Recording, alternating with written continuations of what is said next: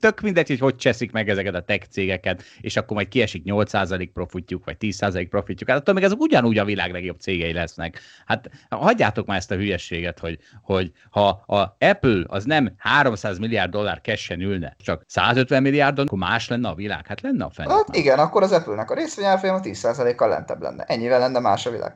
De hát 10%-kal múlt héten volt lejjebb. Hát érted? Tehát ez, ez nem egy egetrengető változás, ez semmi. Nem, hát de 10% az 10%, hát azt mindenki tudja, hogy mennyi. Van, amikor sok, van, amikor kevés. Hát kinek Jó, mi? az elmúlt tíz év trendjén nem változtatott volna. Erről beszélünk. Azon nem. Jó, hát azt oké, okay, persze.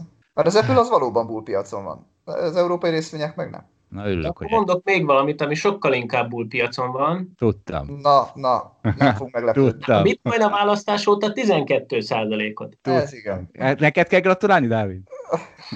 Személyesen. Na hát akkor mesélj a Paul Tudor Jonesról.